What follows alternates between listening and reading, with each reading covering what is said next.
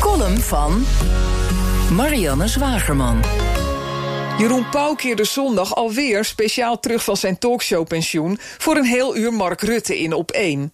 Ik verheugde me op een kritisch interview, nu we eindelijk niet meer sturen in de mist, maar helder zicht hebben op de brokstukken in de gekalmeerde zee, waar kapitein Mark en stuurman Bloemschoen nog steeds op hun oorlogsvergat doorheen beuken, op zoek naar de tweede golf.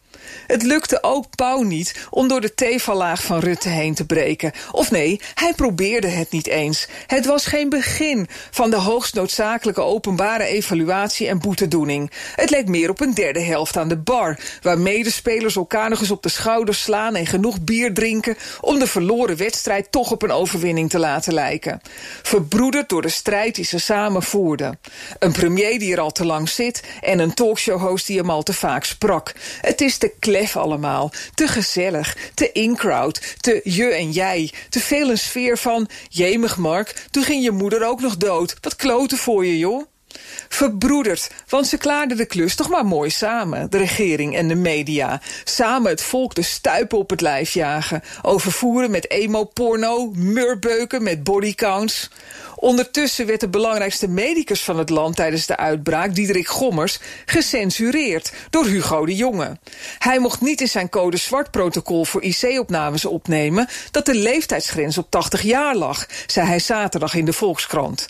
We maken dit handboek niet voor de politiek, maar als handvat voor dokters. Daar gaan jullie niet over, zei hij tegen de minister. Die werd boos. Gommers mocht er in de media niet meer vrij uit over praten. Bommetjes die de Volkskrant niet breed uitventen, maar keurig verstopte in een zaterdag-interview. Dat is gek.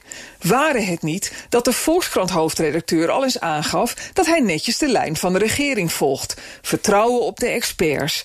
Maar nu weten we dus dat die experts niet eerlijk mochten adviseren. Het geeft te denken over de adviezen die er nog meer achter de gesloten deuren van het OMT zijn geconstrueerd. Nog duidelijker dan gisteren in de Big Five riep professor Helsloot de media in de Gelderlander op om ook eens kritisch terug te kijken naar hun rol in de coronacrisis. Ben benieuwd wanneer die evaluatie begint.